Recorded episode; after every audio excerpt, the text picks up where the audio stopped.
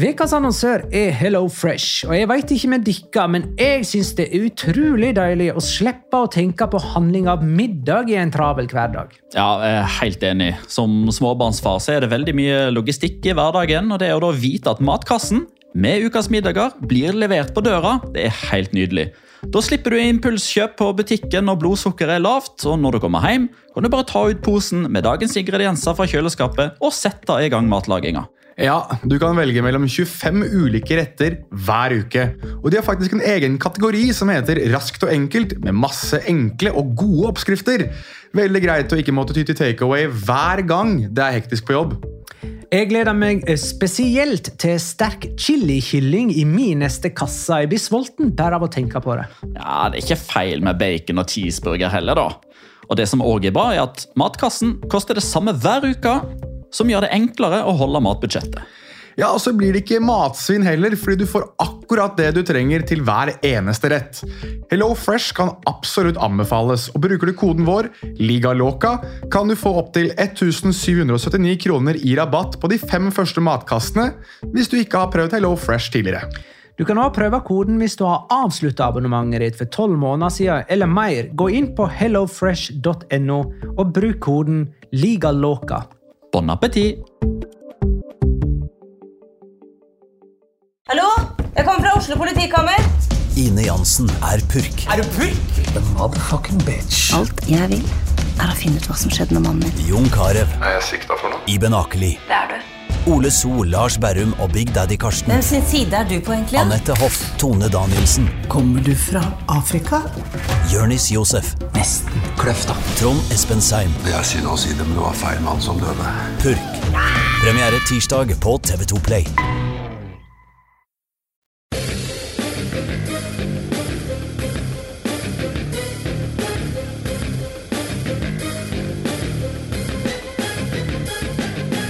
Har du sett? La Liga er halvspilt med Girona i nedrykksstrid og Sevilla i toppkamp. Eller var det omvendt? Om vi skal se tilbake på høstsesongen og være så tabloide som mulig, hva slags overskrift skal vi gi hvert enkelt La Liga-lag for å oppsummere deres høst 2023? La liga loca. En litt gærnere fotball. Ja, ja, ja. Dette er La Liga låka, episode 277 av det ordinære slaget med Jonas Giæver, hei. Yo! Petter Wæland, hei. Hei! Og Magnar Kvalvik, hei. Halla, Magnar. Hei, Magnar. Hei, ja. Endelig en ordinær mandag, og dermed kan vi samles i studio like ved der Quisling daua. Men vi trekker oss heldigvis lenger og lenger vekk fra åstedet. Eh, det var så ille lukt fra hans siste åndedrag at vi måtte flytte et par kvartal sør. Jeg kommer, ikke til å over, jeg kommer aldri til å overleve det der. altså. Øst. Øst, sørøst. Sørøst. Fra, fra Akershus festning, nærmere operaen, kan vi si. Ja. Like ved børsen nå, faktisk. Like ved der. La ligge lokka AS snart.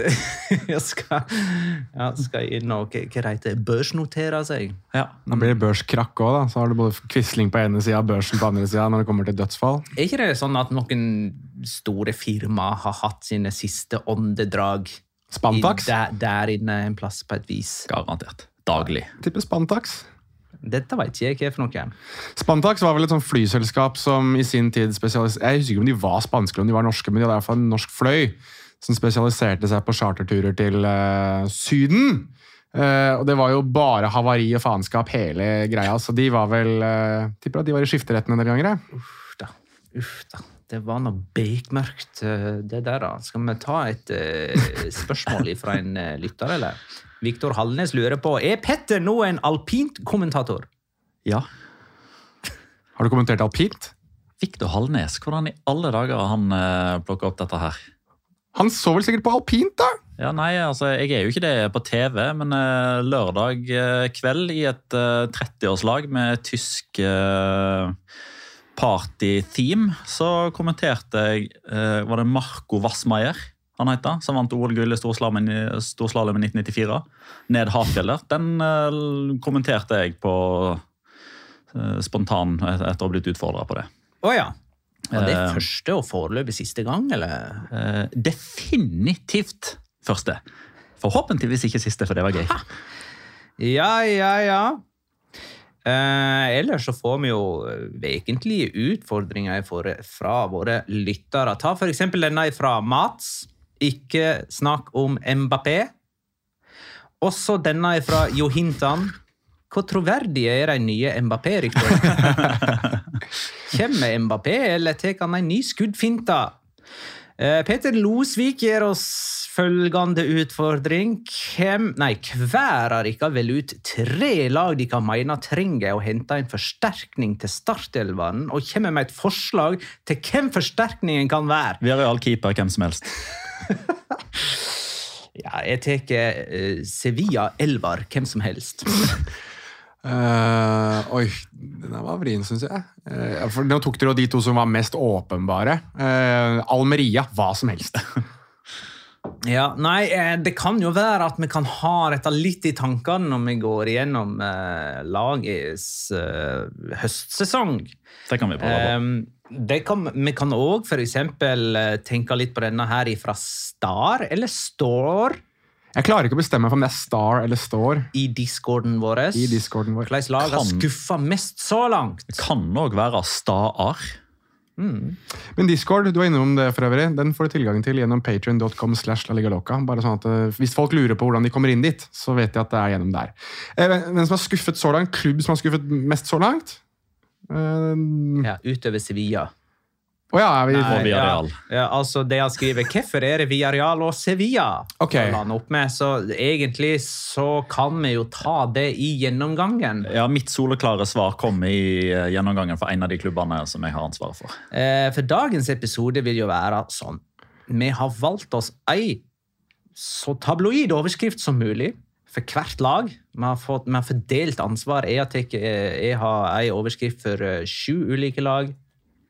Petter har sju ulike lag, og du, Jonas, som trenger litt ekstra tid, eh, du får seks ulike lag. Hadde bare vært Blir sexy. ikke, blir ikke det riktig? Sju pluss sju pluss seks? 20. Det Høres riktig ut. Eh, og så i tillegg så er det jo lett å Jeg kan i alle fall komme på ni ting som er lett å glemme fra året er 2023, men som vi for guds skyld ikke må glemme fra elsker det her. 2023. Jeg har for øvrig, altså Vi sitter ofte sånn når vi liksom vurderer ja, hva, hvor hadde vi det? Jeg har tabelltipset foran her. Ja, Klart. det kan jo være greit å ha Ja. i bakhånd der Mhm. når vi går gjennom eh, laget. Men eh, vi kan begynne det hele med tre av ni ting som er lett å glemme fra kalenderåret 2023, men som vi for guds skyld ikke må glemme fra kalenderåret 2023. 1. Matheo Laos ga seg som toppdommer. Ja, nei, det er, For et savn! For et savn! Jeg kan eh, legge til. Han avslutta 2022 med 17 gule kort i VM-kampen mellom Argentina og Nederland, og starta 2023 med 15 gule og 4 røde kort i Barcelona Derby. For et savn! For et savn. To! Både David Silva, Gareth Bale og Eden Hazard la opp i 2023. I tillegg forlot både Karim Benzema, Cristiano Ronaldo og Lionel Messi fotball-Europa. Mhm. Er det noen flere store navn jeg burde Ikke komme sånn her Nei eh, eh, Mané og sånne Jordan Henderson. Og, Nei, men Hvem var de tre du sa forlot Messi. Messi, Benzema Eh, altså, og De viktigste her er jo Cristiano Ronaldo og Lionel Messi. For det, det er jo Ja. sta- Dette er en ny æra. Og Neymar Men jeg nevnte forlot vel også. Neymar. Neymar. Mm. Og Luis Suárez. Han tror jeg vi akkurat kom inn i 2024. Da han forlot uh, man, Nei, han har vel allerede, 2024. han har vel allerede, han har vel allerede spilt i Grêmio i 2022, hadde han ikke det? Ikke han vært der ganske lenge? Tida flyr. Jeg lurer på om han ikke har vært der siden 2022. jeg. Han var med å vinne med Atletico. Sant, i, hvor hen var han etter Atletico? Da var det vel Gremio, var det ikke det? Var Han ikke da reiste rett derifra. sant? Ja, okay. da, Så, ja. da Hvor lenge var han eh, der, egentlig? For han var med å vinne koronasesongen med Atletico. 2020-2021. Og jeg tror det var 2019-2020. Nei, 2020. Ja, det var sesongen etter. Mm. Det som starta med korona. Ja, så han var der ett år til, og da var han, da, da var han skakkjørt. Og så dro han til Ja. Brasil. Jeg er ganske sikker på det. Som kan ikke ta med han Eller var han, i 2023. da. eller var han i Uruguay en liten tur? Det lurer jeg på om ikke han var. Han spilte bitte litt i Uruguay, og så dro han til Brasil. Han var i Nacional. Yes, der har vi det. Så uh, han, uh, han var ikke en av de vi kutta i 2023. Kutta alle bånd og bruer. Brent alle bruer. Hvem andre er det? Louis, eh, Luciano Vietto Men poenget er, står, det er store navn som gir seg, og som flytter ut i 2023 og endrer eh, fotballspillerlandskapet. Mm. Eh, punkt tre. Inyaki Williams sin rekke på 251 strake seriekamper starta i 2017 og slutta i 2023. Han unngikk skader, vraking, rotering, karantene og covid-19 i seks år, men måtte omsider stå over en seriekamp da Atletic tapte 1-0 for Celta Vigo på Balla Idos. Sikkert en helt vanlig forkjølelse. Som plutselig Sår i halsen eller hosta og harka litt. Gastroenteritis. Gastroenteritis. Nei, men kult. Da skal vi sette vår første overskrift eh, på um, det vi kaller høstsesongen. Da må vel dere starte, da, ettersom jeg har færrest. det er Petter som skal begynne. Han får velge lag sjøl og eh, tabloid overskrift, og så kan vi ta en diskusjon. Ja. Eh, jeg begynner med det laget som ligger høyest på tabellen av de jeg har fått. Jeg, jeg begynner med Atletico Madrid. Eh, og jeg har valgt å eh, kjøre følgende overskrift. Nytt Simione-prosjekt på godt og vondt. Um, og det er begrunnelsen er at uh, det er jævlig gøy å se på Atletico Madrid nå. Det er jævlig gøy. Så det er på godt, det, da. 62 mål i deres kamper etter halvspilt sesong. Det er mer enn noensinne. De skårer masse, de slipper inn veldig mye, og vondt. Altså, de er utenfor topp fem. Uh, utenfor topp fire. De ligger på femteplass, så det er jo rett og slett ikke, det er ikke godt nok. Eh, Så det er vondt å se på for Atletico Madrid-fansen, som bør ha veldig mye høyere forventninger enn hva de har fått til foreløpig. Eh, Og på godt og vondt, altså på hjemmebane, helt sinnssykt enorme. De har vunnet absolutt alt, bortsett fra den 3-3-kampen mot Retafe, der de fikk en spiller utvist. Eh, Mens på bortebane så har de fire strake tap. For å si det sånn, Den overskriften der, du får ikke den eh, plastra Nei, på men jeg har aldri jobba for Nettavisen, så dette er ikke jeg flink på. Ikke Dagbladet heller. Det er for mange ord. Det er fem ord av maks. Ja, men eh, greit nok at vi er tabloide, men ikke Nettavisen og Dagbladet og VG tabloide. Blodtabloid skal du inn på der. Nei da, jeg, jeg syns Altså, overskriften er for så vidt nøktern og fin, den. Uh, og jeg syns at eh, Det var vel i går, altså 7. januar, så var det akkurat tolv år siden Diego Simione ledet Atletico Madrid i sin første La Liga-kamp. Jeg syns liksom det er i seg selv da, en sånn form for sensasjon. Altså At det er en trener i spansk fotball for en av toppklubbene som har vært trener for det laget i tolv strake år. Um, og Vi må da huske at han ble jo ansatt i jula 2011, eller mm. romjula 2011, vel. Um, at han fortsatt er der, Ja. er liksom Og det er årsaken til at det begynner overskrift med nytt Simione-prosjekt. Ja, for jeg For tror dette her er liksom Altså Vi snakker nå om at uh, hva er det, det er veldig populært å si at uh, det er liksom Liverpool versjon 3-0 under Klopp Mm. fordi han mista så mange midtbanespillere. sånn. Altså, hva er dette her for Atletico Madrid? Da? Versjon 5-0? 6-0? det da? Dette er definitivt den gøyeste. Det er den gøyeste. Og så Det er for lite Jackson Martinez-prosjekt her. Etter halvspilt sesong så er de utenfor topp fire. De er på femteplass, riktignok av poeng, med Atletic på fjerde. Men altså er det dårligste halvspilt sesong under Simione nå, eller? I eh, tabellplasseringsmessig så er det det. Poengmessig så har det vært svakere én gang. Riktig. Skal vi ta denne her fra Jørn Henland Skøyen? Er Alvaro Morata fortsatt nærmere Nikola Kalinic enn Falcao? Um, Hvordan var altså, Dette her er sånn, selvfølgelig basert på en Jonas påstand fra noen år tilbake om at uh, Alvaro Morata kom til å havne i antall mål nærmere mm, Kalinic sin uh, Ene sesong, eller noe På, ja, på to skåringer hadde han det. Enn Falcao, som i sin tid landa på 23. Ja, et eller annet sånt noe. Han er jo åpenbart nærmere nå, da. Han er jo Jeg tror han har elleve skåringer eller noe sånt. er han ikke det? 11-12 skåringer. 12 tror jeg han har! Så han har 12 seriemål. Men jeg husker ikke hvordan det gikk akkurat den sesongen, om han liksom landa på 14 og dermed var nesten like nær de to. Jeg tror han var like bak, at han var nærmere Kalinic akkurat. Um, nei, altså Jeg skjønner at det er veldig moro å harselere med meg og min Alvaro Morata um, love-hate relationship, men altså den halvsesongen her så har han tidvis vært fullstendig verdensklasse. Jeg har sagt det at Alvaro Morata altså Alvaro Morata som lærer seg offside-fella, er en helt ekstremt god spiss. Og det har han jo tydeligvis gjort. da. Han skjønner jo tydeligvis hvordan han skal time løpene sine litt bedre enn tidligere, og da er han helt smash. Hadde det ikke vært for at Antoine Griezmann er så mye bedre, og bare er Antoine Griezmann, så tror jeg vi hadde snakket enda mer om hvor god Alvaro Morata er. Men den andre siden av det da, er at hadde Morata vært så god hvis ikke Antoine Griezmann hadde vært der? Så det er liksom litt sånn høna og egget på de to. Men apropos høna og egget, de to har jo begge skåra 11 mål eller mer. Og det er første gang siden 1956 at Atletico Madrid har to spillere som har 11 mål eller mer etter halvspilt. Forlan og gjengen, altså Reyes, Aguero og Torres, klarte det ikke sammen. Det var bare én som var over. Prøver du å si at det er Jackson Martinez ikke hadde det, eller? Ja. Men da eh, må vi videre. Ja. Jeg, eh, det er min tur. Jeg tar Sevilla. da. Eh, Jeg må jo ha et eller annet med krise. Jeg var, jeg var litt usikker på hvilken prefiks skal jeg ha på krise her. Det ble identitetskrise. Ehm, for det, det, det er liksom uh, Altså, Manchi har gitt seg. Det er en ny sportsdirektør. De har uh, ansatt eh, De har sparka to trenere denne sesongen, og han som er nå, Kiki Sanchez Flores, ble da ansatt rett før det kom en ny president, som altså da ikke har ansatt Kiki Sanchez Flores. Ja.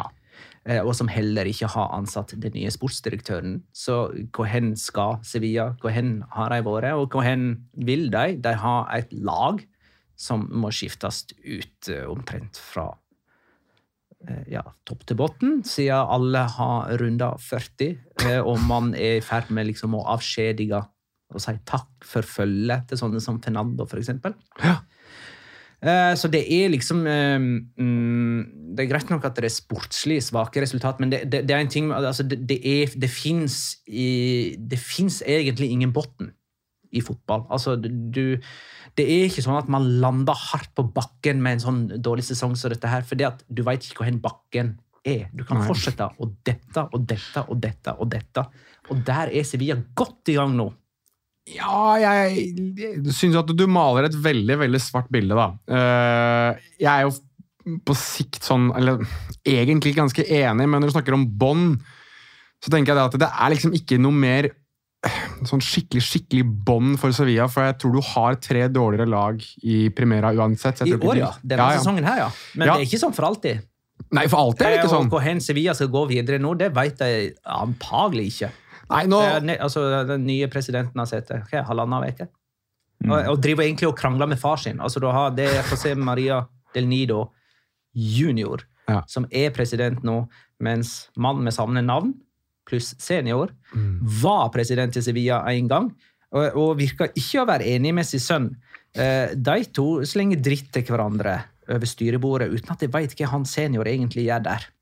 Nei, han er vel noe sånn styremedlems, Ja, æremedlems sånn er det sikkert. Ja. Og det, det bestemte han sjøl i sin tid, sikkert. Mest sannsynlig. Jeg litt sånn som Carl I. Hagen. ja, han er litt Carl I. Hagen! Det Han er en sjuende far i eh, Sevilla-huset òg. Jeg syns det er litt gøy eh, Det var litt trist at du ikke fikk vært med på fredagen, Magnar, for da gikk vi jo gjennom Og jeg syns Petter hadde en veldig sånn morsom greie med at det var jo Sergio Ramos gikk jo full tilt etter eh, forrige seriekamp, der han eh, begynte Åttende far i huset. Åttende far i huset. Der han begynte å krangle med en supporter. Jeg vet ikke om du så det intervjuet? Jo da. Ja. Uh, og Der påpekte Petter at det, at det er åpenbart at det er en på tribunen som også står og hyler om at det styret må gå. Det styret hadde da sittet i halvannen uke. Ja, nei, Det, det var halve Ramón Sánchez Pizjuan som satt med lommetørklær og uh... Mente at styret måtte gå. Ja, ja. Halvannen uke. Direktiva dimission! Ja, Ja. så bra. Ja, og det, og det er ikke tull engang. Da hadde altså et nytt styre akkurat kommet på plass. I alle fall en ny president. Ja. Eh, Jeg tror vi, eh, Hvis ikke det er veldig mye viktig å legge til om Sevilla eh, det, altså De ligger mm, på 16.-plass, ett poeng over nedrykksstreken. Jeg, jeg føler ikke det er så mye mer å si. Jeg. Så kan vi gå videre til deg, Jonas, og ditt første utvalgte lag. Ja, øh, jeg kan jo ta Skal jeg kanskje ta en litt sånn øh, positiv vinkel på det, da? Kom igjen. Las Palmas hadde det ikke bare vært for Girona. Ehm, de ligger da på tiendeplass og er uten sidestykke det beste av de nyopprykkede lagene. Altså, de har kun tapt to hjemmekamper denne halve sesongen. Mot Barcelona, mot Rayo Vallecano. Begge vinnermålene kom på straffe på overtid i andre omgang. Det er altså så kruttsterkt. Det er en sånn derre eh, gravplass av tidligere Barcelona-profiler som er å finne der ute på Kanariøyene. Du har Mika Marmol, du har Sandro Ramires, du har Monir El Haddadi, du har eh, Garcia Pimenta på benken som har trent Barca B. Men de er også eh, de er på tiendeplass av en veldig klar grunn, for dette her tittet jeg litt på. De har altså kun sluppet inn 17 mål denne sesongen. Det er helt enormt godt for et lag som er nyopprykka. Det er altså under ett mål i snitt. Det er kun Real Madrid som er 11 innsluppende mål, som har bedre statistikk av lagene på topp 10. Husk det. Men de har kun skåret 16 mål. Kun Kadis og Alaves på nedre halvdel har skåret færre enn dem. Samtlige andre har skåret mer. Og Der har du faktisk forklaringen eller betydningen av middelmådighet. Altså det er De er bedre enn samtlige nesten på topp, så er de dårligere enn samtlige nesten på bånn. Så der har du Las Palmas midt i sjiktet. Men de har jo da altså Alvaro Valles i mål, som eh, kommer til å spille på det spanske landslaget. Uh, den beste keeperen i La Liga denne sesongen her. Uh, så han er trukket fram som en overraskelse. Og en stor skuffelse for Las Palmas sin del er at uh, Jonathan Viera, som vi alle sammen har forelsket oss i et par ganger, enten han har spilt for Valencia, Las Palmas eller hvor enn han har vært, har sutret seg ut av klubben. Så litt sånn opp og ned på Las Palmas. Mikael Bjerkan lurer på om RDT, altså Raúl de Tomas, er mannen som skal øke skåringssnittet til Las Palmas. Den har jeg faktisk litt trua på. Men er Nei, dette det en signering det har blitt noe av, eller et Nei, rykte det, som går? Nei, det er et rykte, men det er ganske sterkt rykte.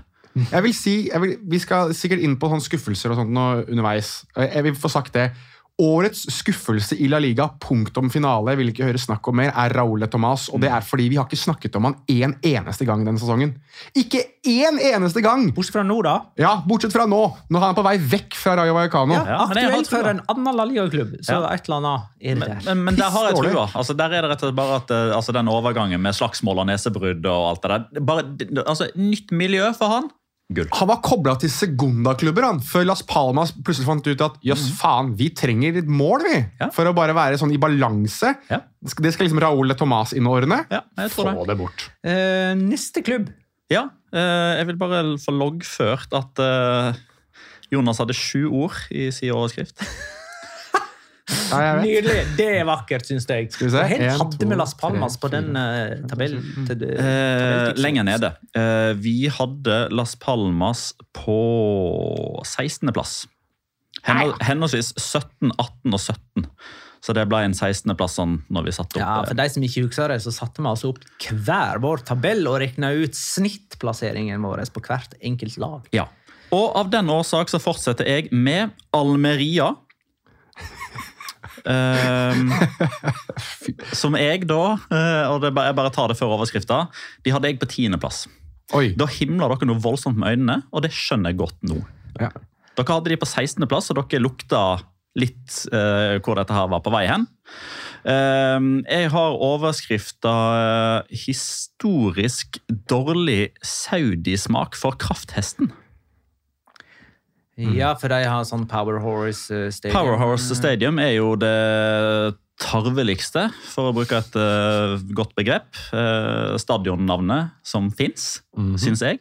Uh, og hva skal jeg si, myten om at alt Saudi-Arabia tar i sportsvasking og blir til gull, det har jo òg Almeria klart å, å motbevise.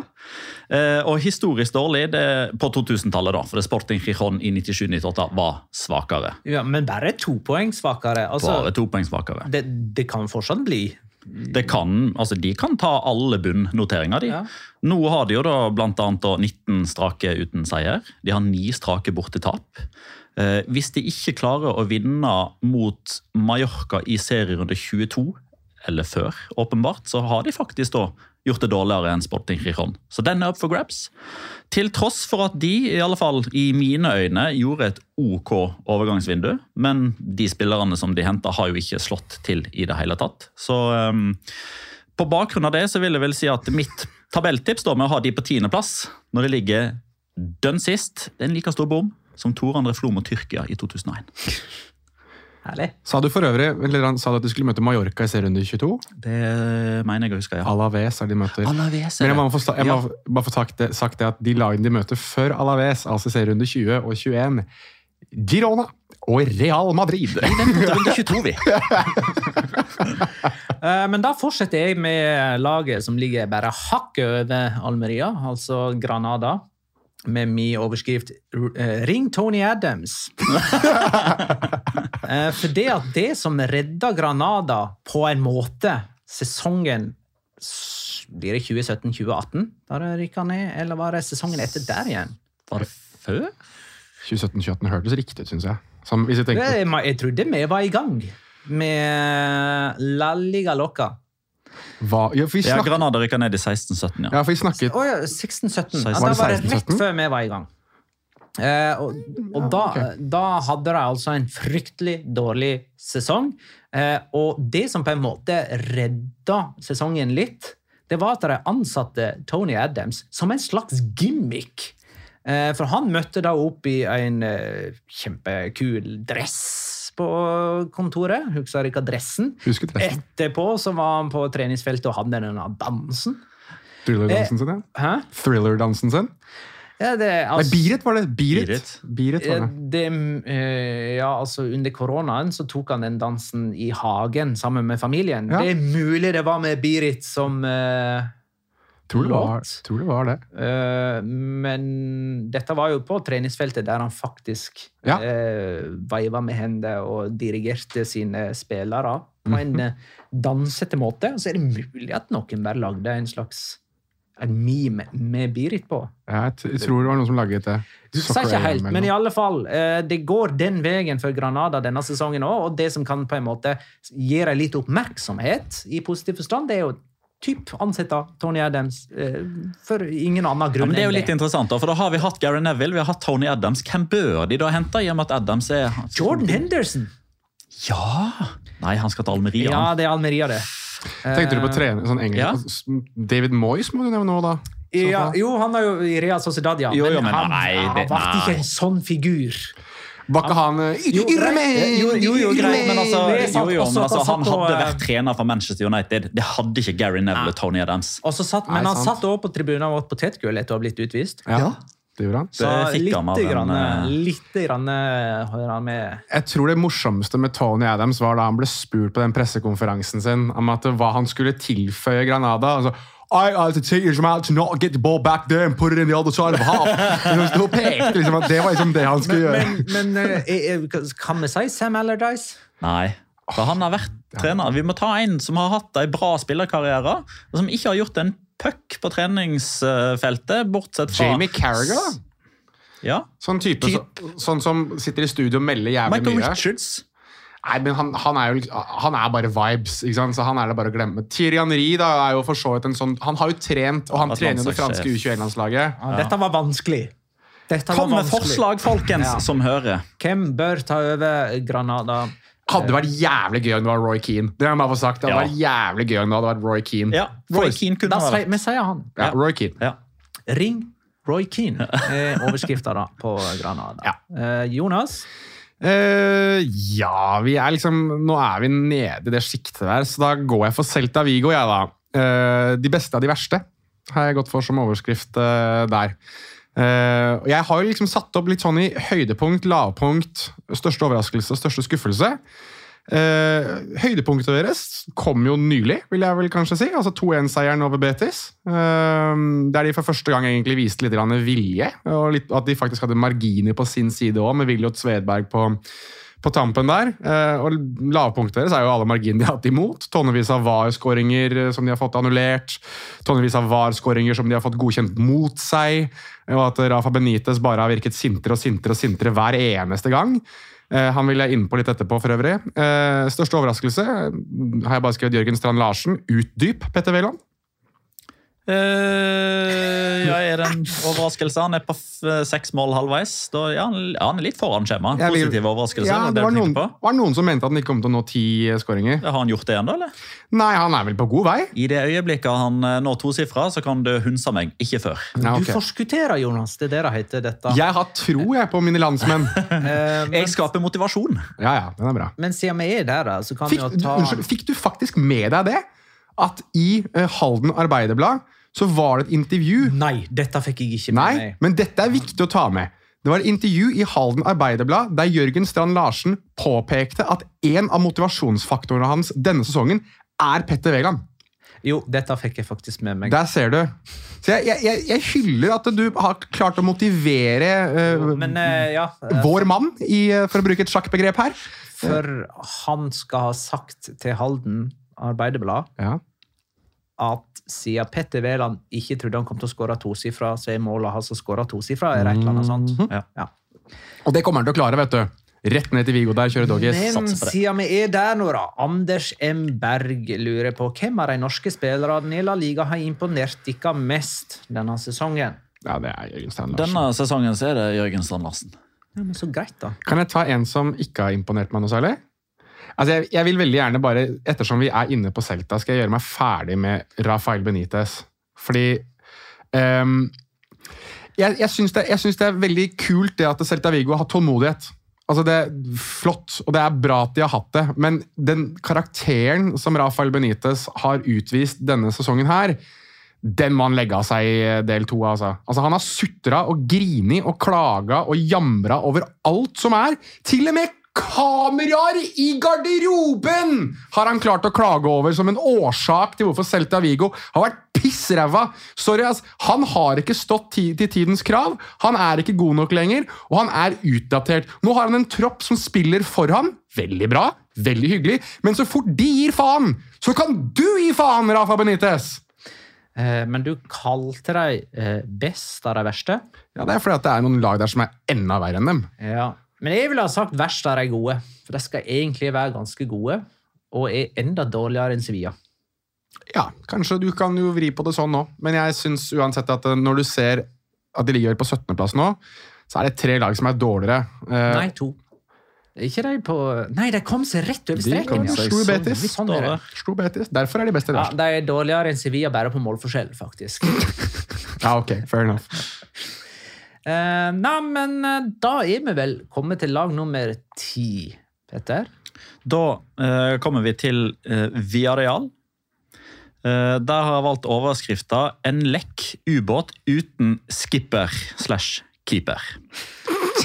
Eh, Har, og har du da satt S-en i parentes sånn at det blir Nei, altså i mine notater så har jeg ikke det. Hadde det vært en overskrift som folk skulle se, så hadde jeg lagt litt mer flid i det. Eh, Men det er jo litt sånn dobbel betydning der, da, fordi eh, en, en båt og Heter det for øvrig Heter det forresten noe annet på en ubåt? Hva mener du? Altså, ja, altså Skipper. Altså skip, skipperen. Altså, hvis du er sjef på en båt. Altså, Heter det noe annet hvis du er sjef på en ubåt? Kaptein, kanskje? heter vet søren. jeg. Eh, jeg kan google det. Ja, ja. Uansett, da, eh, så har jo Viareal hatt eh, litt for mange kapteiner slash skippere slash det det heter på en ubåt denne sesongen. De har jo hatt tre stykker. Det er jo to for mye. Mm. For hvis du har hatt trenerbytte i løpet av en sesong, så har du enten innsett at du er en for liten klubb, når f.eks. eksempel da Unai Emery går til Aston Villa i stedet, eller så har du gjort det for dårlig. Du må søke en endring. Eh, og godeste Filip Jørgensen har vi snakka nok om i løpet av denne podkasten, både i bonussammenheng og ordinære episoder. Og jeg svarte vel òg litt på eh, hva jeg syns om eh, Filip Jørgensen, og jeg sa at det er det vi Viareal trenger i januar. Eh, Så det har rett og slett vært en, eh, en ubåt som, som lekker. De har sluppet inn 38 mål denne sesongen. Eh, Forrige sesong så slapp de inn 40. Og dette er altså en oppsummering halvveis. Eh, Har du funnet ut hva det heter? Altså ifølge skipsrevyen.no så har Oliver Berdal internasjonal erfaring som skipssjef på ubåt. Skipssjef. Ja. Skipssjef, ja. ja. Eh, Men eh, det som uansett er greia med Viareal Internasjonal Er- erfaring som skipssjef! Jeg skjønner ikke hvorfor det var så gøy, men det var Nei, det, det var faktisk litt gøy, det. ja. Eh, Men uansett, da, det som er greia med Viareal, er at de sjelden eller aldri snur en trend. Altså, De er enten sånn at de vaker rundt 4., 5., 6. plass, og så blir det Europa. Eller så kjemper de mot nedrykk, og noen ganger så går det, andre ganger så går det ikke. Så dette, Denne sesongen her, med mindre det skjer noe veldig spesielt, er klink nedre halvdel. Sniffer litt grann på nedrykk. Jeg tror de klarer seg, av samme grunn som at jeg tror Sevilla klarer seg. og Det er fordi det, det er tre-fire lag som er dårligere. og Bare sånn for å befeste hvor ræva Villarreal er, så har de nå nettopp røket ut av Copa del Rey på straffekonk mot Unionistas de Salamanca, som altså kjemper for å trygge plassen på nivå tre i spansk fotball. Etter å ha sutret og klaga over eh, Nei, det er fake news. Det var dommeren som eh, tok den avgjørelsen. Ja, fikk, du med, fikk du med deg det? Det var litt sånn drama eh, i løpet av den kampen. her, For lysene skrudde seg jo av etter 90.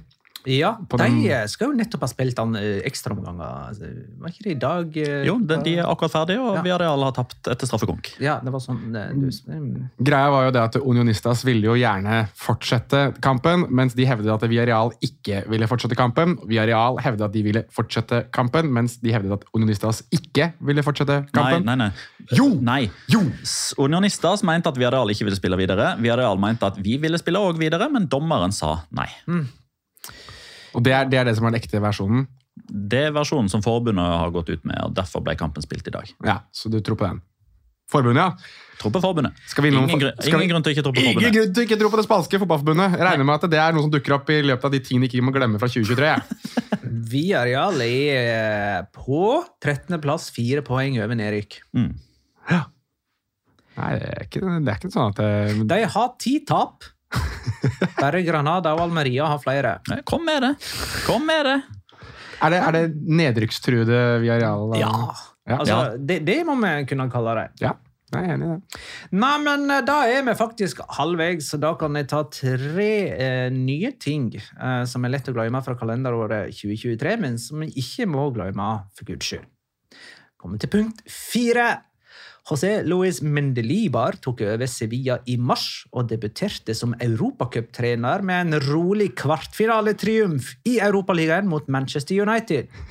Han fulgte opp med en ny triumf i semifinalen mot Juventus og i finalen mot Roma, og tok altså Europaligatrofeet med fem kamper under beltet. Fem! Real Sociedad tok fjerdeplassen i La Liga og kvalifiserte seg dermed til Champions League for første gang på ti år. Der vant de sin første heimekamp i turneringen på 20 år og avanserte som gruppevinner. Og seks. I juni avslutta Girona 2022-23-sesongen med 49 poeng. I skrivende stund har de 48. Et Og det er altså etter halvspilt sesong 2023-24. De siste tre punktene kommer når vi er ferdige med vår gjennomgang. Og nå er det jo min tur, da. Mhm. Da går jeg for Real Sociedad, siden de ble nevnt i, eller i ja, kalenderåret 2023, med overskrifta 'Prisen av en fjerdeplass?' Spørsmålstegn. Altså, hvor mye koster det egentlig å kvalifisere seg til Champions League og å prestere godt der? Er prisen rett og slett en sjetteplass i påfølgende sesong, eller til og med enda lavere? Jeg kan nevne siden sesongen 2010-2011, for å ta liksom starten på forrige tiår og fram til i dag, så har lag nummer fire, eller lag som har blitt nummer fire, eller topp fire, det er Villarreal, Malaga, Real Sociedad, Atletic Club, Valencia og Sevilla. Bare Valencia og Sevilla har klart å gjenta bedriften. Jøss. Mm. Ja, det er ganske, ganske oppsiktsvekkende, egentlig. Viareal i uh, 2010-2011 ble nummer fire. 2011-2012 hvordan gikk da? Ja, 18.-plass. Rykka ned, de. De rykka ned, de. Det de. Eh, Malaga er ikke lenger i Primera, de heller, skjønner du. Nei, det er ikke Segundo heller, de. Nei, det... De møtte faktisk Real Sociedad i går, de. I, i cupen. Ja, det gjorde de. ja, oi, oi, oi! Hvordan gikk det der, da? De tapte. Eh, 0-1. Malaga, altså. Selvmål. Ja. Mm. Selvmål, ja. Ja, ja. Og ellers så uh, Real Sociedad vart, var det i 12-13-sesongen, altså 2012-2013, at de ble nummer fire. Og så var det Atletic Klubb som ble nummer fire sesongen etter der. Og så etter der igjen så ble de nummer tolv eller et eller annet. Altså det, det, det har vært ganske store fall. Eh, og Dette er Bielsa, er det ikke det? Altså Atletic Club og Bielsa? Ja. Ja. Nei, jeg mener det var Valverde som tok Ja. deg til um, Bielsa er tidligere. Bielsa er tidligere. Ja, det var tok til 10-11 det. en Europaliga-finale. Bielsa er. Mm. Eh, nei, men det er vanskelig å følge opp den andre sesongen. Eh, men eh, og, altså Real Sociedad gjør det jo suverent bra i Champions League. De vant gruppa si. Eh, men det ser ut til å ha kosta i La Liga, ikke i form av at de taper så mye. Det, det gjør de egentlig ikke. To, tre tap på sine 19 seriekamper, men åtte uavgjort gjør jo at de har avgitt poeng da i 11 kamper og vunnet åtte. Mm. Jeg, brenner, jeg, jeg, jeg må bare få det ut. Navnet på han som skåra sjølmål for Malaga. Mhm. Det er så fantastisk. Ja vel. Einar Galilea. Einar. Einar Galilea. Det var litt kult, det. Einar Galilea. Han er spansk. Så vi Ja. Ja. Men, Men er det, Men- men er det, er det, er det kan, pappaen har en kan eh, liten eh, kan det ha vært en nordmann på tur der? Kan, litt, litt av timeshare i Marbella der. kanskje vi skal eh, prøve å finne ut om Einar Galilea har noe, har noe norsk i seg. Eventuelt så hadde hans mor noe norsk i seg på et eller annet tidspunkt. Veldig mulig. Men øh, skal vi ta Einar neste Galilea! lag, eller? Ja, vi kan, mindre det er store innvendinger eller tilføyinger på Real Sociedad. ja, vi, kan, eh, vi kan gå videre til eh, Real Betis, og der har vi jo kanskje et, altså Ett av de fem ordene jeg har valgt her, er kanskje det som har skapt Einar Galilea nede i Malaga. Uh, Fotballsjampanje eller Daff Cava. Uh, det er de to tingene, eller er det eh, som er overskriften deres. Og det er litt fordi at de var faktisk ubeseira i 13 La Liga-kamper før de tapte mot Celta Vigo nå i serierunde 19. Men de vant kun fire av de 13 kampene de var ubeseiret i. Eh, Så det er liksom Er det fotballsjampanje, eller er det Daf Cava? Eh, Det er litt sånn definisjonsspørsmål. Eh, Den store overraskelsen deres denne sesongen her vil jeg si er Isco. Bare for å liksom gi en form for lydmessig erfaring av hvordan jeg har opplevd Isco denne sesongen her. Han har vel vært man of the match i så å si alle kamper Betis har spilt denne sesongen, tror jeg. Altså Nesten hver gang jeg ser Betis spille, så er det han som er man of the match. Så lenge de ikke taper, i hvert fall Betis. Man har kun to mål og tre målgivende denne sesongen. Så spørsmålet er om produksjonen kanskje må opp. Største skuffelsen Borja Iglesias. Der er det ikke produksjon lenger. Null seriemål, det. Og da er det kanskje like greit at han har annonsert at han har lagt opp på det spanske landslaget. Han er ikke aktuell for det lenger uansett. Nei, er, Alexander Søderlund er vel heller ikke aktuell for det norske.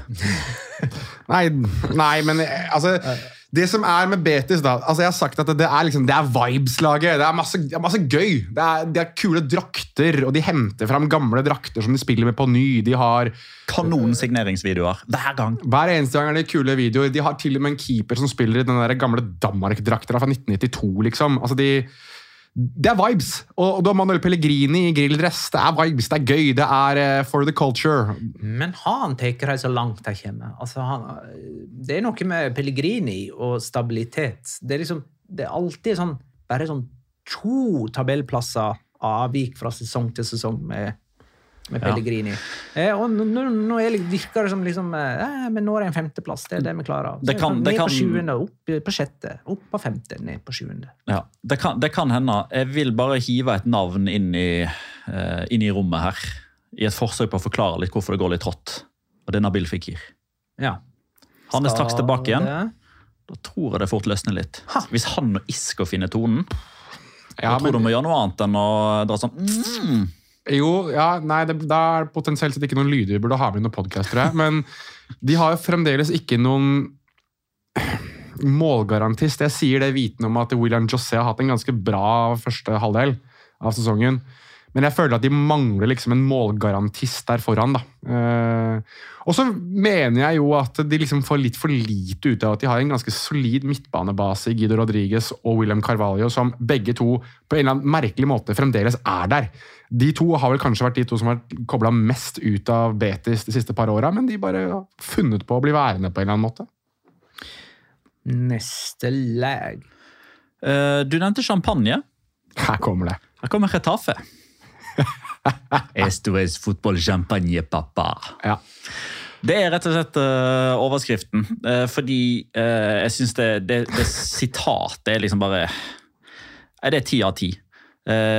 Det er jo ikke fotballsjampanje sånn som alle andre vil at fotballsjampanje skal og bør være, men det er Retafe sin fotballsjampanje. Eller champagnefotball, som vi faktisk har kalt det i Norge tidligere. Vi kaller det fotballsjampanje her, fordi det er det de sier i Spania. Men Ja, er slik at uh, lytteren skjønner hva vi egentlig skal fram til. Det er Ja. champagnefotball. Ja. Ja. ja. Viktig med kontekst. Ja. Eh, men akkurat der tror jeg du undervurderte lytterne våre. Mulig. Eh, og det, det smerter litt å si, men en trio som består av eh, Mason Greenwood, Borja Majoral og Enes Unal, det er rett og slett jævlig sexy. Sånn som de holder på. Eh, det er en trio. Når de begynner å spille sammen, for nå er Enes Onal tilbake fra skade Når de tre spiller, bare fjerner han der Latasa-fyren Når Enes Onal går inn og er han, og Greenwood og Majoral, hvis de fortsetter den formen som de har hatt nå Jeg vil våge påstanden at det er topp seks, topp sju angrepstrio i La Liga.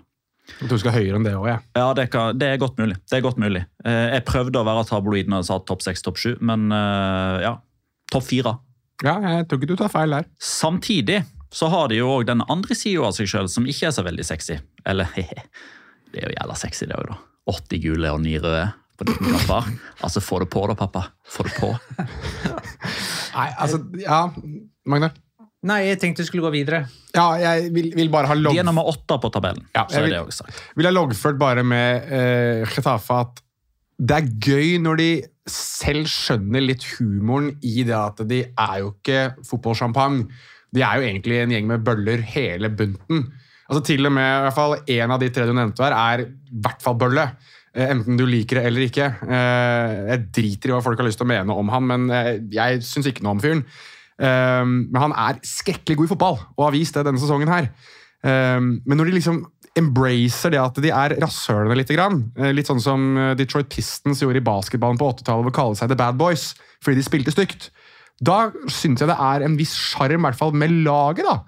Um, så så lenge vi ikke får noen sånn sutring av Bordalas i løpet av den andre halvdelen om at de dømmes ned fordi at de har et visst rykte på seg, så er jeg veldig happy med at de holder på sånn som de gjør.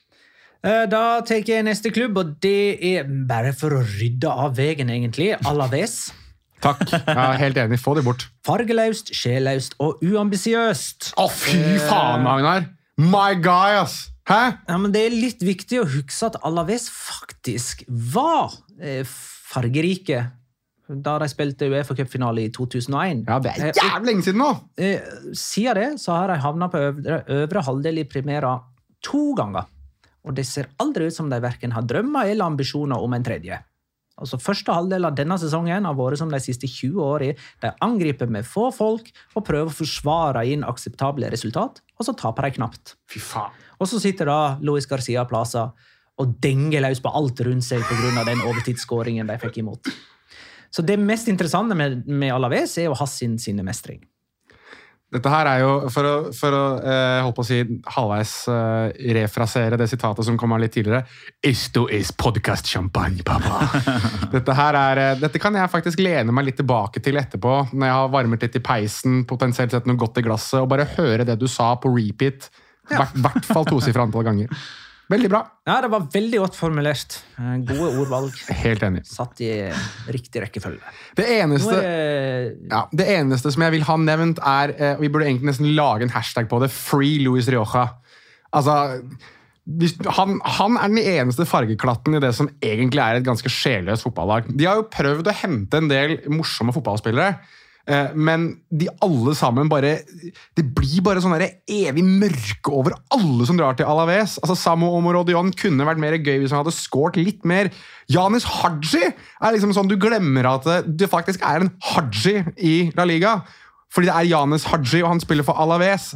Giuliano Simione eh, skadet seg jo så tidlig at vi liksom ikke fikk den derre Simione-scenarioet. Altså, men den eneste, den eneste som klarer å se halvveis gøy ut, det er Luis Rioja. Og jeg er helt sikker, og dette her er min greie med Luis Rioja, er at hadde han spilt for Villarreal, Valencia, Sevilla, Atletico Madrid Et annet, altså et lag som akkurat nå har en stor standing, men kanskje ikke er helt der oppe der de burde være, så tror jeg han hadde vært på spanske landslaget. Litt sånn som Fran Garcia måtte ut av Rayo Vallecano og være én dag i Real Madrid før han ble landslagsspiller. Nå er det din tur. eh, Nå har du snakka lenge. Ja, er det. Nå skal du jammen få snakka enda Det er mer. veldig bra. Det er veldig bra. Nei, jeg tar det, eh, tar det unna, jeg òg, da. Eh, Valencia.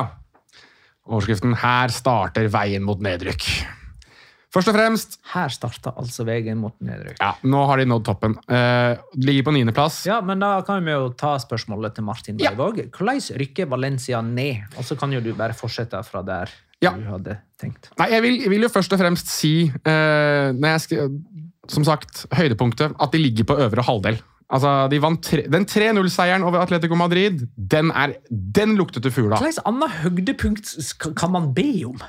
Nei, det er ikke mer altså, Det er jo det beste altså, bare, altså, Ja. Som type lite høydepunkt, som type svak sesong, men uh, høydepunkt er at han ene spilleren skåra et lekkert mål i Ja. tredje serierunde. Ja. Men her altså, høydepunktet er at de gjør det jævlig bra. Ja, for de skal ikke gjøre det så bra som de gjør det.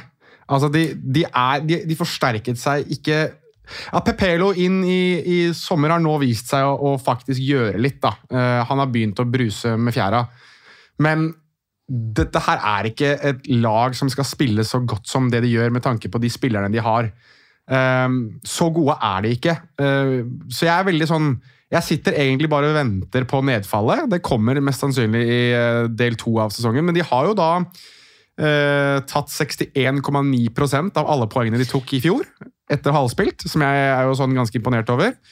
Eh, sesongens store lavpunkt er jo det å tape 1-5 på Santiago Bernabeu. Den er jo liksom Høydepunktet må jo være 3-0-seier mot Atletico Madrid. ja, Jeg var jo inne på det før du avbrøt meg! At det var, det var det virkelige høydepunktet. Der var de ekstremt gode, og det at de vant 3-1 over Villarreal også, var, eh, synes jeg var veldig imponerende, med tanke på at de egentlig bare filleristes av begge to, uansett når de møter dem, virker det som. Største overraskelsen for meg Christian Mosquera, som uh, har spilt seg inn nå som førstevalg i eh, forsvaret til Valencia. Det har jo vært kroniske problemer, enten det har vært Cenk Øskachar eller hva faen annet man har klart å putte det midtforsvaret der. Uh, største skuffelsen er at Peter Lim fremdeles er eier. Uh, og da veit man at det Dette er det jeg snakker med at nedfallet er på vei. For plutselig så kommer det et bud på fem millioner euro for Javi Guerra, og så selger man han fordi at man ikke tenker at man kan klare å få mer penger ut av et sånn overgang. For eksempel. Da er det Petter, da. Ja. Mm. Eh, for å eh, sitere dere to, la meg bare få det her unna. Kadis. Konan alene er ikke nok. Eh, og det er jo eh, fordi Conan Ledesma har jo blitt rost opp i skyene av samtlige i denne treenigheten her, helt siden han begynte å stå i mål for, uh, for Kadis. Han har egentlig redda plassen for de alle sesonger, men nå virker det som at det ikke er nok. Uh, nå er det, det er fortsatt mye vilje, det er mange lange innkast, det er mange dødballer, det er mye shithousery. Men de offensive spillerne de, de klarer ikke lenger å bidra nok. Og nå har de falt under streken. Eh, de har skåret 14 mål på 19 kamper. Og i begynnelsen av den første sesongen og til dels den andre så sa vi liksom ja, men det er liksom sjarm liksom sjarmen med Kadis. Men nå er det ikke sjarmerende lenger.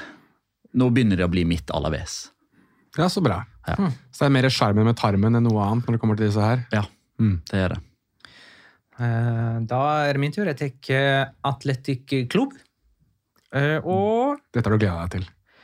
eh, Tja, ja, egentlig. Mm. Eh, Og overskrifta 'Tiårets sesong?' Spørsmålstegn.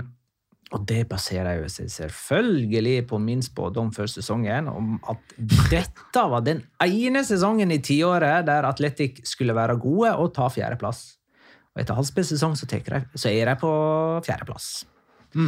Eh, så har jeg vært inne på allerede. at ikke man fjerdeplass en sesong, så detter man til åttende, niende, tiende eller enda lavere sesongen etter.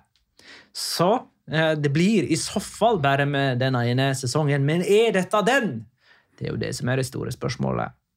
Er dette liksom ja, tilsvarende 2013-2014-sesongen med Eimerik Laporte, André Rerra som er tilbake, Benjat som herja den gangen, Mikkel Sanose var god, Han var ganske god, han. Iker Munyain, Sosaeta, Iraola, altså er, er Dani Vivian, Aitor Eh, Paredes, Aitor Paredes, Groseta, eh, Nico Oinyaki.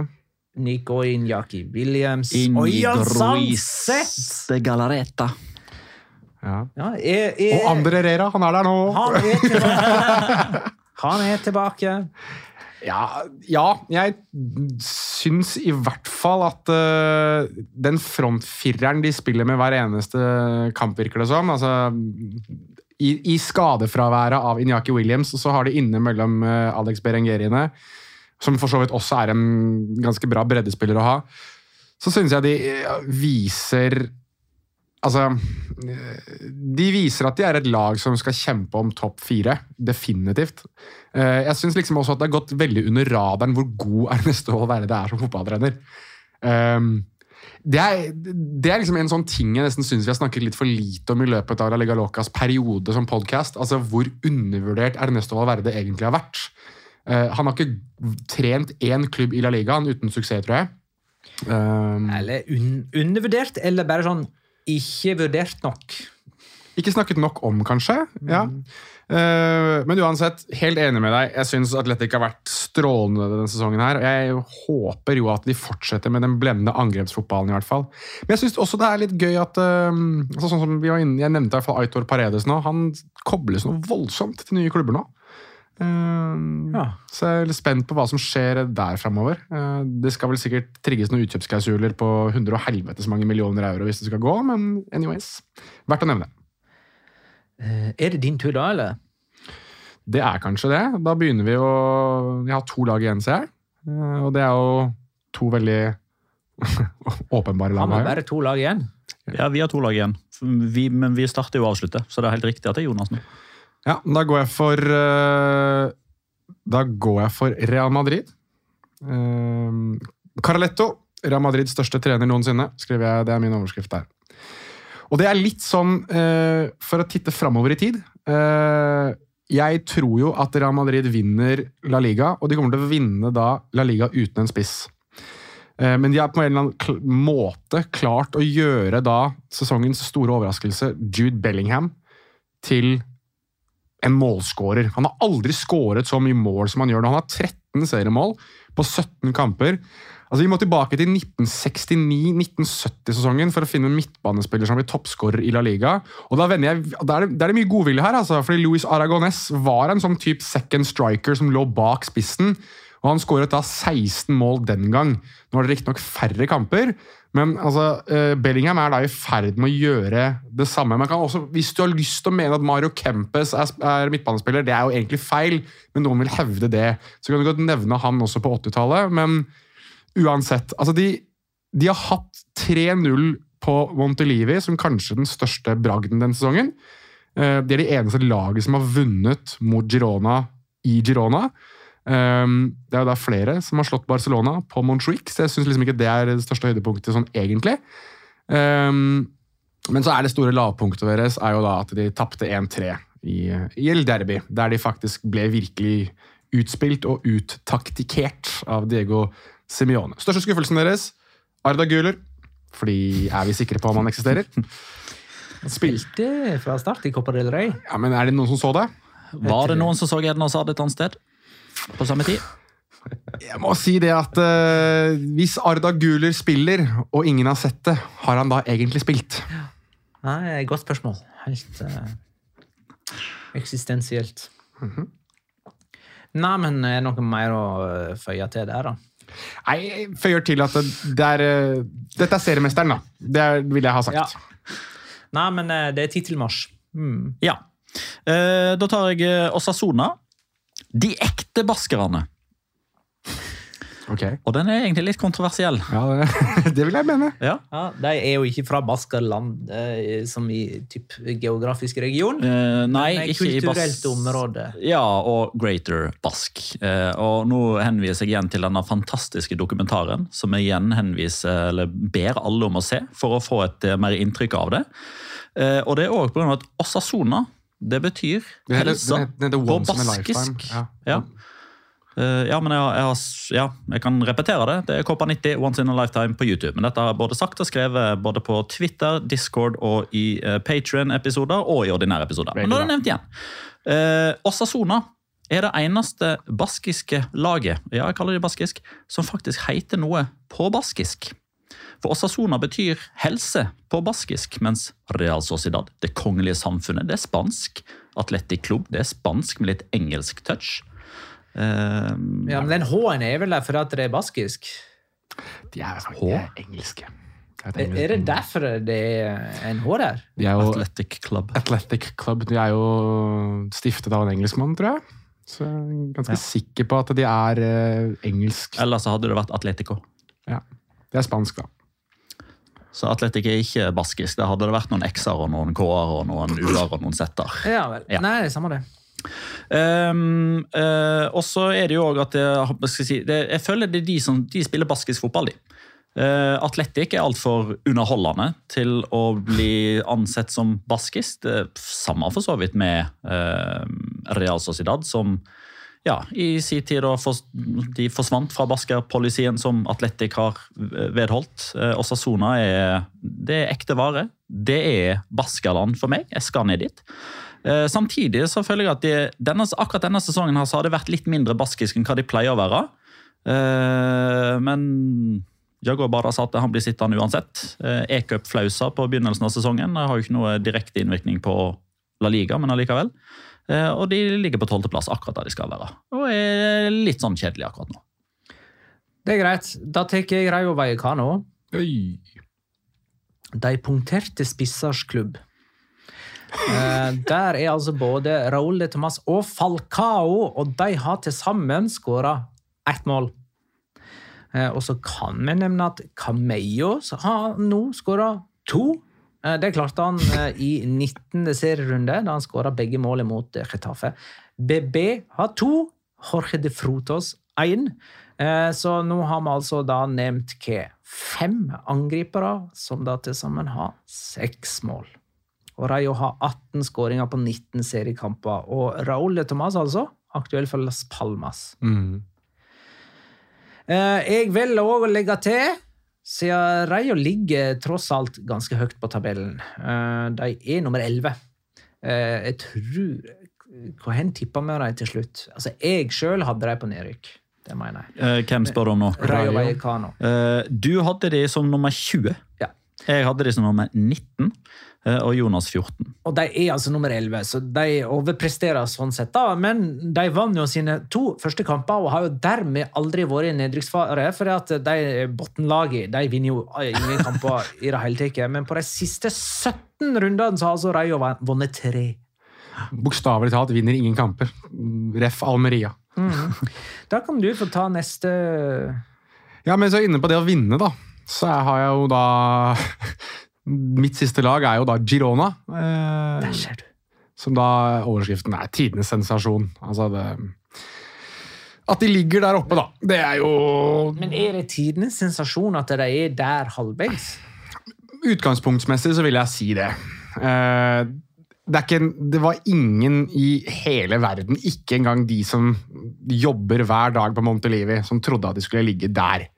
Eh, hvis du er inne på overprestering, så er det liksom de, de har 40, Du var inne på det selv, de har 48 poeng etter halvspilt. De hadde 49 poeng hele forrige sesong. Hvis Girona taper alle kamper i andre halvdel og blir stående på 48 poeng, så hadde det vært ekvivalent til en niendeplass i 2021-sesongen. Ja. Altså det Igjen, da. Høydepunkt. Hvor vil du begynne, liksom? Vi snakket om at de Nei, de har jo ikke møtt noen av topplagene, snakket vi om på et tidspunkt. Nei da, bare dro til Montjuic, de. Slo Barcelona. Vant 4-3 hjemme mot Atletico Madrid. Altså, de, de har hatt en sånn ekstrem stigning i prestasjonene sine også, mot de bedre lagene, at det er strengt tatt nesten så du ikke tror det. altså. De som vi var inne på, de, hadde 48, eller de har 48 poeng denne sesongen her, med samme resultat. altså at De tar 48 poeng, så ender de jo da åpenbart på 96, hvis det skulle være sånn i begge halvdeler. Barcelona vant La Liga med 88 poeng i fjor. De hadde jo da 50 etter halvspilt. Uh, Atletico Madrid hadde 48 etter halvspilt i 2020-2021. Og Felles var jo da at de vant ligaen. Nå står jo da både Girona og Real Madrid med 48, så det vi kan håpe på, er at de får et skikkelig tittelrace. da. Uh, der har du jo da også lavpunktet til Girona. At de tapte 0-3 hjemme mot uh, Real Madrid, som kan bli avgjørende i et tittelrace. Største overraskelse Take your fucking pick, altså. Der kan du velge blant så mange. Savinho, Dovbyk, Jan Cauto, Alex Garcia, Arnau Martinez, Miguel Gutierrez. Eneste skuffelsen, for meg i hvert fall, det er Paulo Gazzaniga. Fordi jeg føler at det bor en brøler i han hele tida. At det, det, er en del ting han har gjort denne sesongen her som Og igjen, da, jeg nevner ikke Erik Garcia, for han har vært god, han òg. Eh, men Gazzaniga han føler at det, det, lever en feil i han. hele. Han er liksom Thomas Myhre, liksom. Det kommer etter hvert så kommer det til å komme en kjempeblemme. Så det, Men Girona Mitchell også kunne vi ha nevnt her. altså Treneren han snakkes det egentlig Det snakkes mye om ham, men det snakkes nesten ikke nok om ham.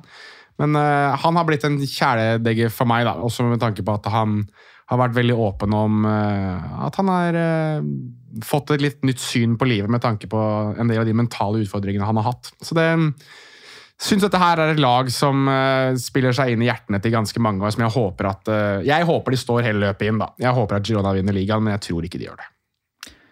Det gjør i hvert fall ikke Mallorca, som vi skal avslutte med. Uh, og da har jeg valgt No Pirate, No Party in Palma.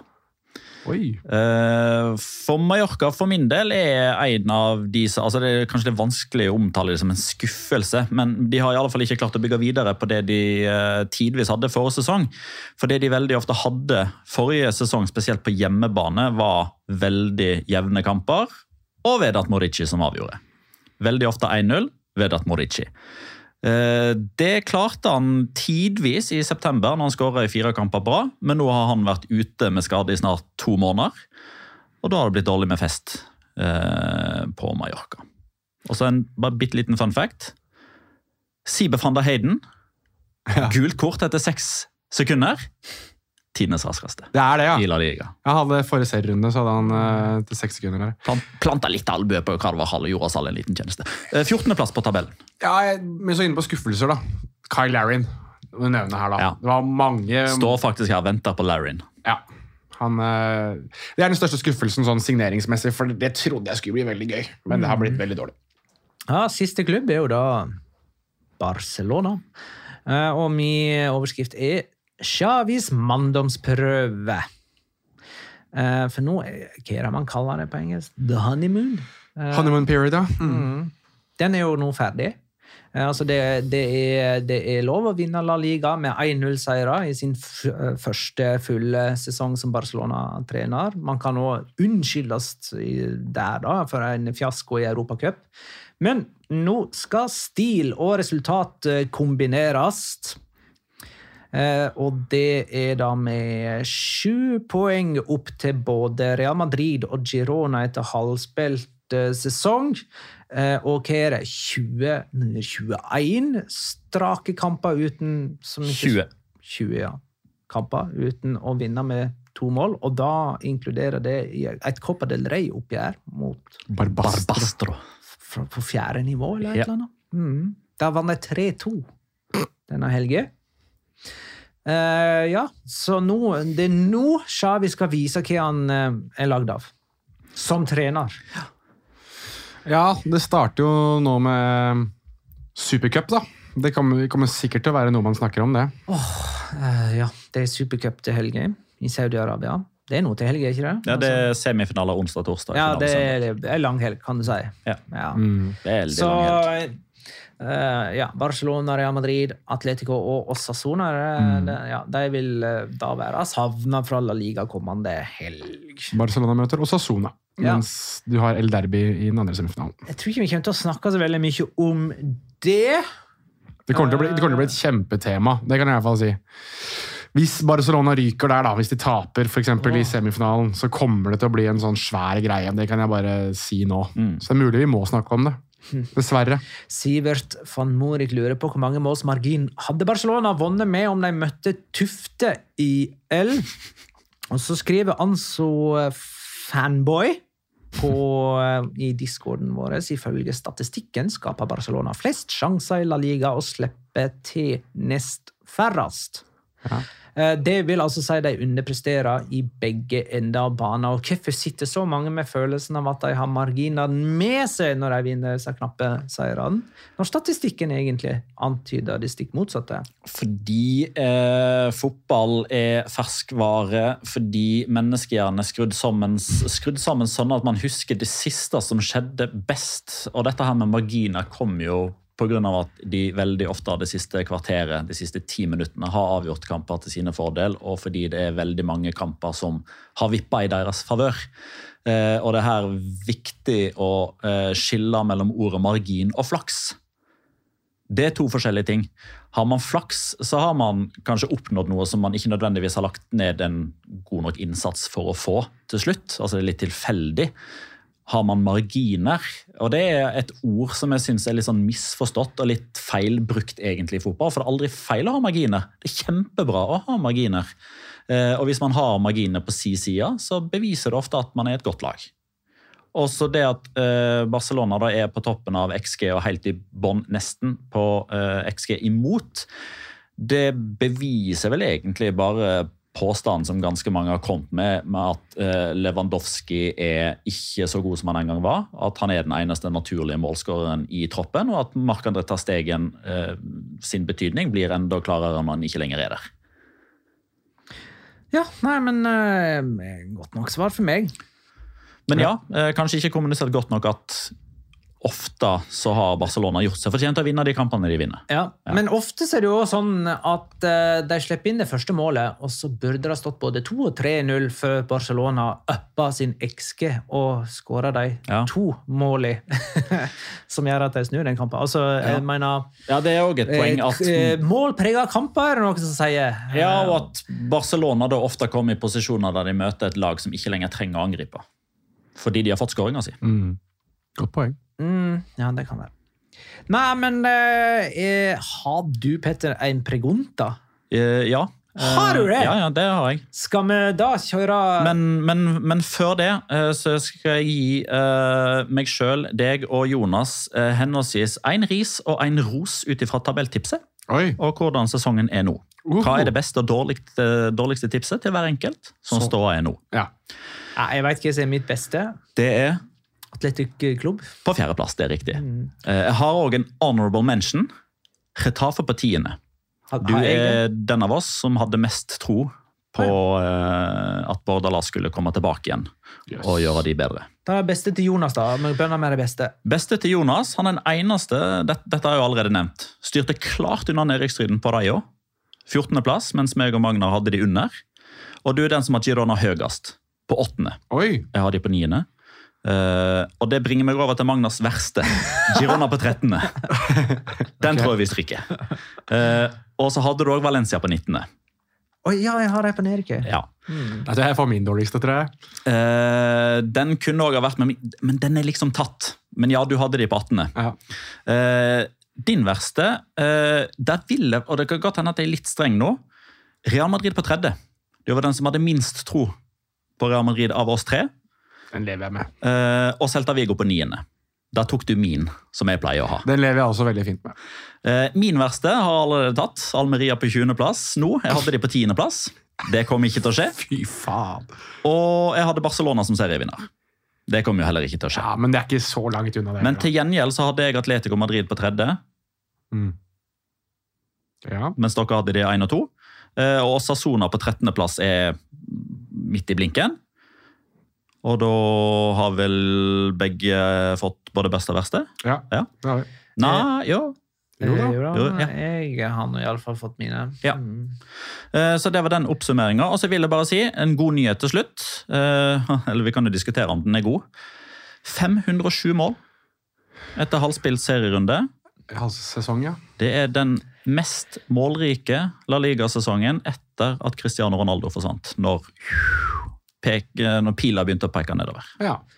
Yes, da har vi altså tre og et halvt minutt igjen til din pregunta. Ja. Har du, men har ikke, Vi du kjører ikke Big Net på den i dag. har ikke du tre ting, da? Først og fremst? Jo, det, oh, det er jo det viktigste, ja. Jeg har de siste tre tingene som um, ikke må glemme fra 2023. Sju!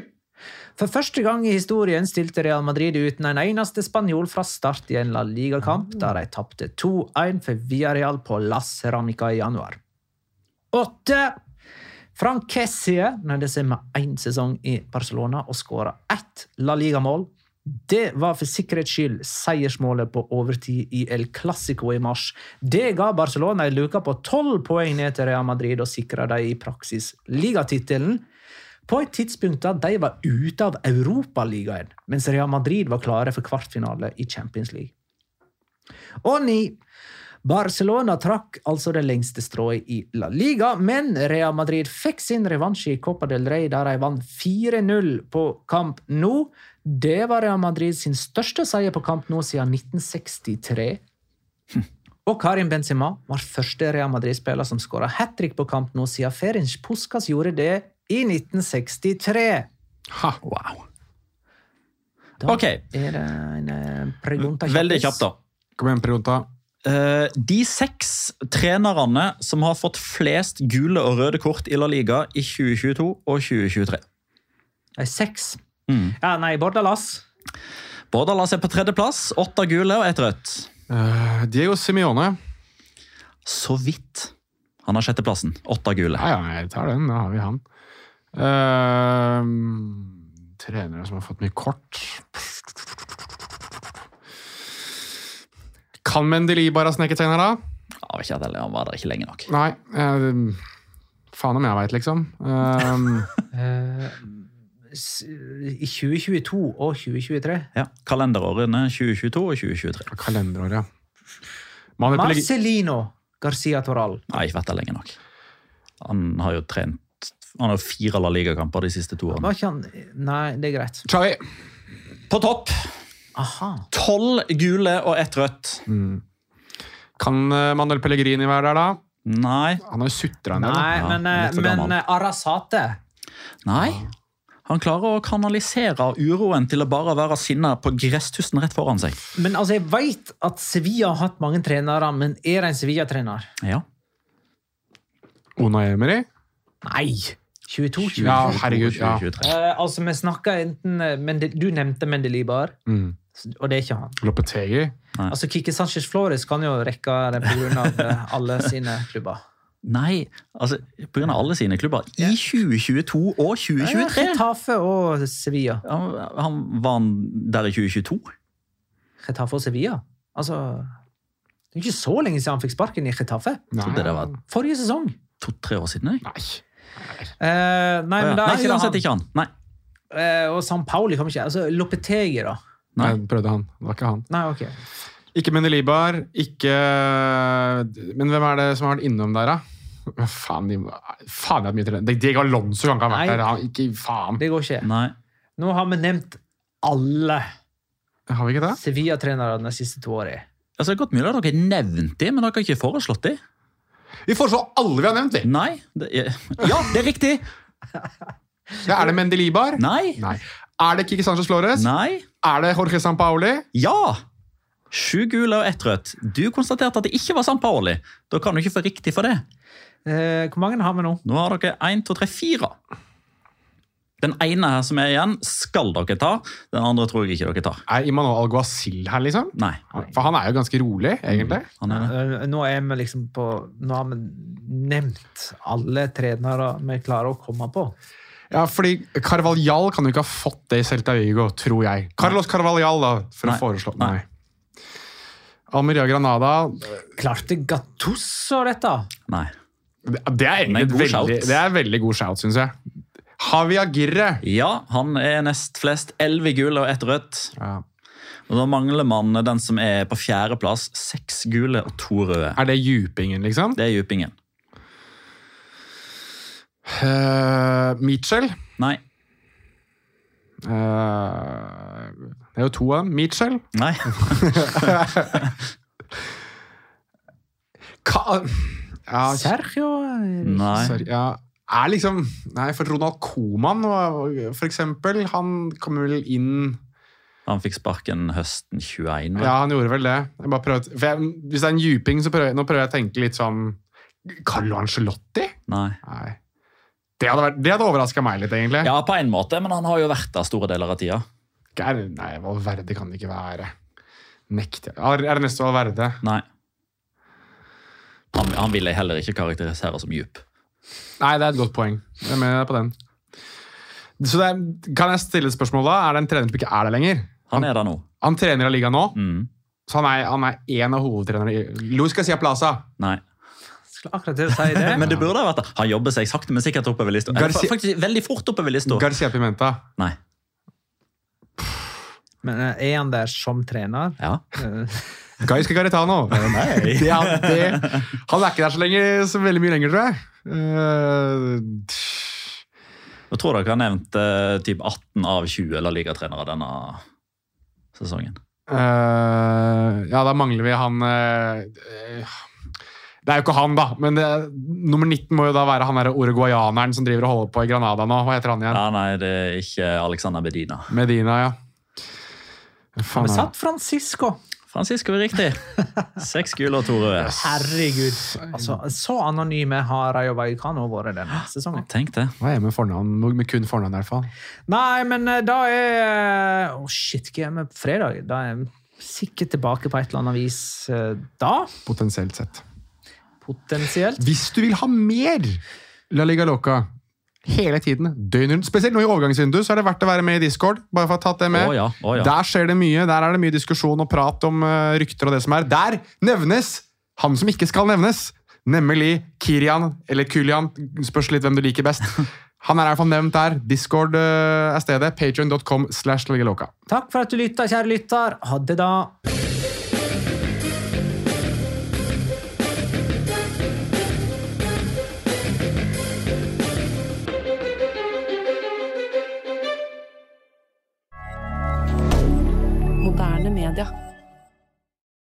Har du et enkeltpersonforetak eller en liten bedrift?